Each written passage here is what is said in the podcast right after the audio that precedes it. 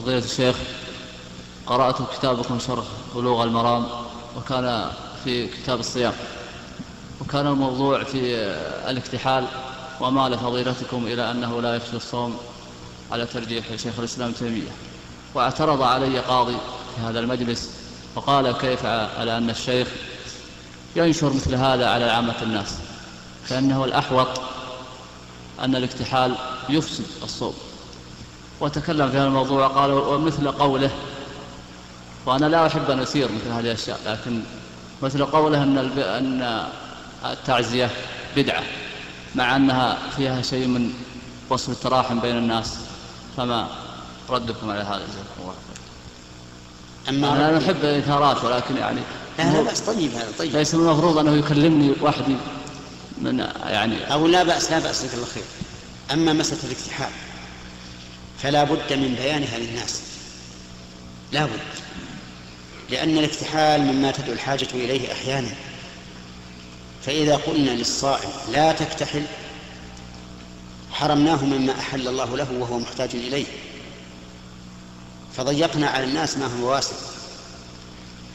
وأما قوله إن الاحتياط اتباعه أولى. فنقول ما هو الاحتياط؟ الاحتياط اتباع ما دلت عليه السنة. ليس الاحتياط الأخذ بالأشد قد يكون الأخذ بالأيسر هو الاحتياط. فالاحتياط موافقة الشرع. ونحن يلزمنا إذا علمنا من كتاب الله أو سنة رسوله صلى الله عليه وسلم حكما أن نبينه للناس. وإذا أخذ الله ميثاق الذين أوتوا الكتاب لتبيننه للناس ولا تكتمونه. لا سيما في المسائل التي يحتاج الناس إليها. والكحل يحتاج إليه الناس خصوصا الذين اعتادوه. وصارت أعينهم لا, لا, لا, لا يستقيم نظرها إلا به. فما ظنك برجل يحتاج إلى الكحل؟ أو امرأة. ولكنه نسي حتى طلع الفجر وهو صائم. إن قلنا لا تكتحل تعب بنظره.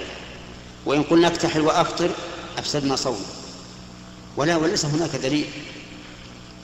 فهذا جوابنا على هذه المسألة. وعلى غيرها أيضا. كل شيء يحتاج الناس إلى بيانه. يجب على العالم أن يبين ما يعتقده ما, ما يتبين له الحق فيه لأنه مسؤول عن ذلك. وأما مسألة العزاء فالعزاء إنما كان تركه قطيعة رحم لأن الناس اعتادوه. فصار الذي يتخلف عنه عندهم قاطع رحم. لكن لو أن الناس تركوا كما تركه الصحابة والتابعون ما صار تركه قطيعة رحم صار صار تركه عادة.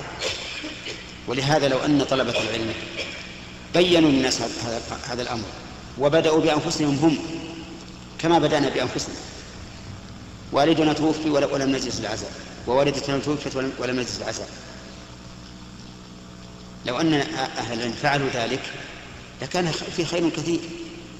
ولا ترك الناس هذه العادات لا سيما في بعض البلاد إذا إذا مررت بالبيت الذي فيه الذي مات فيه الميت تقول هذا بيت زواج.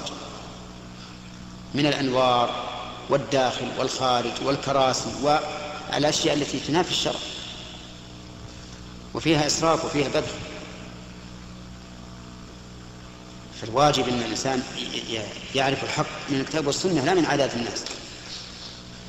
لو أن الناس تركوا هذه العادة وصار العزاء إن وجده في السوق أو في المسجد عزى وأيضا يعزيه إذا كان مصابا لا إذا كان قريبا. بعض الأقارب لا يهتم بموت قريبه وربما يفرح إذا مات قريب. قد يكون بينه وبين قريبه مشادات ومنازعات وخصومات. فإذا مات قال الحمد لله الذي أراح منه فالتعزية للمصاب فقط. كما جاء في الحديث من عزى مصابا فله مثل أجر مصاب. ما قال من عزى من مات له ميت. فمثل هذه المسائل يجب على طلبة العلم أن يبينوا الناس الحق فيها حتى يصير الناس بها على الهدى لا على, لا على الهوى.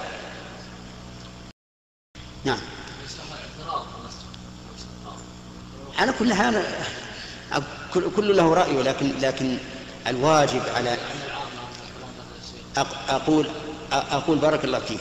الواجب لمن كان ناصحا لله ولأئمة المسلمين. إذا رأى من أخيه شيء يراه أنه خطأ نعم أن يكلم أخاه مباشرة. يقول أنت قلت كذا وكذا وأشكل عليه. حتى لا يحصل بلبلة في العامة. وأيضا إذا رجع إذا رجع المخطئ من نفسه أحسن مما إذا رجع إذا إذا رد عليه. وربما إذا رد عليه يركب رأسه ويرتكب الخطأ وقد تبين له الخطأ. تأخذ العزة بالإثم. فالواجب على العلماء إذا رأوا من إخوانهم خطأ أن يكلموهم. قد يكون الخطأ في فهمه وهو صواب ويرجع ويرجعون إلى هذا. ولذلك أنا أود أن تقول لهذا الأخ الذي قال الاحتياط أن تبين له أن الاحتياط اتباع ما جاء ما جاء ما جاء بالكتاب والسنة. هذا هو الاحتياط. فأين في كتاب الله أو سنة رسوله أن الكحل مفطر؟ أين هذا؟ إذا كان عنده نص من القرآن أو السنة فعلى العين والرأس. إذا لم يكن عنده نص فالأصل أن الصوم صحيح منعقد بمقتضى الدليل الشرعي ولا يمكن أن نضيق على عباد الله وأن نحرم عليهم ما أحل الله لهم إلا بدليل. الله يسألنا. لماذا حرمتم على عبادي هذا الشيء؟ بغير بغير إذن مني مسألة ما هينة؟ تحريم الحلال كتحليل الحرام. بل أشد. لأن تحليل الحرام مثلا فيه تسهيل لكن تحريم الحرام فيه تشديد.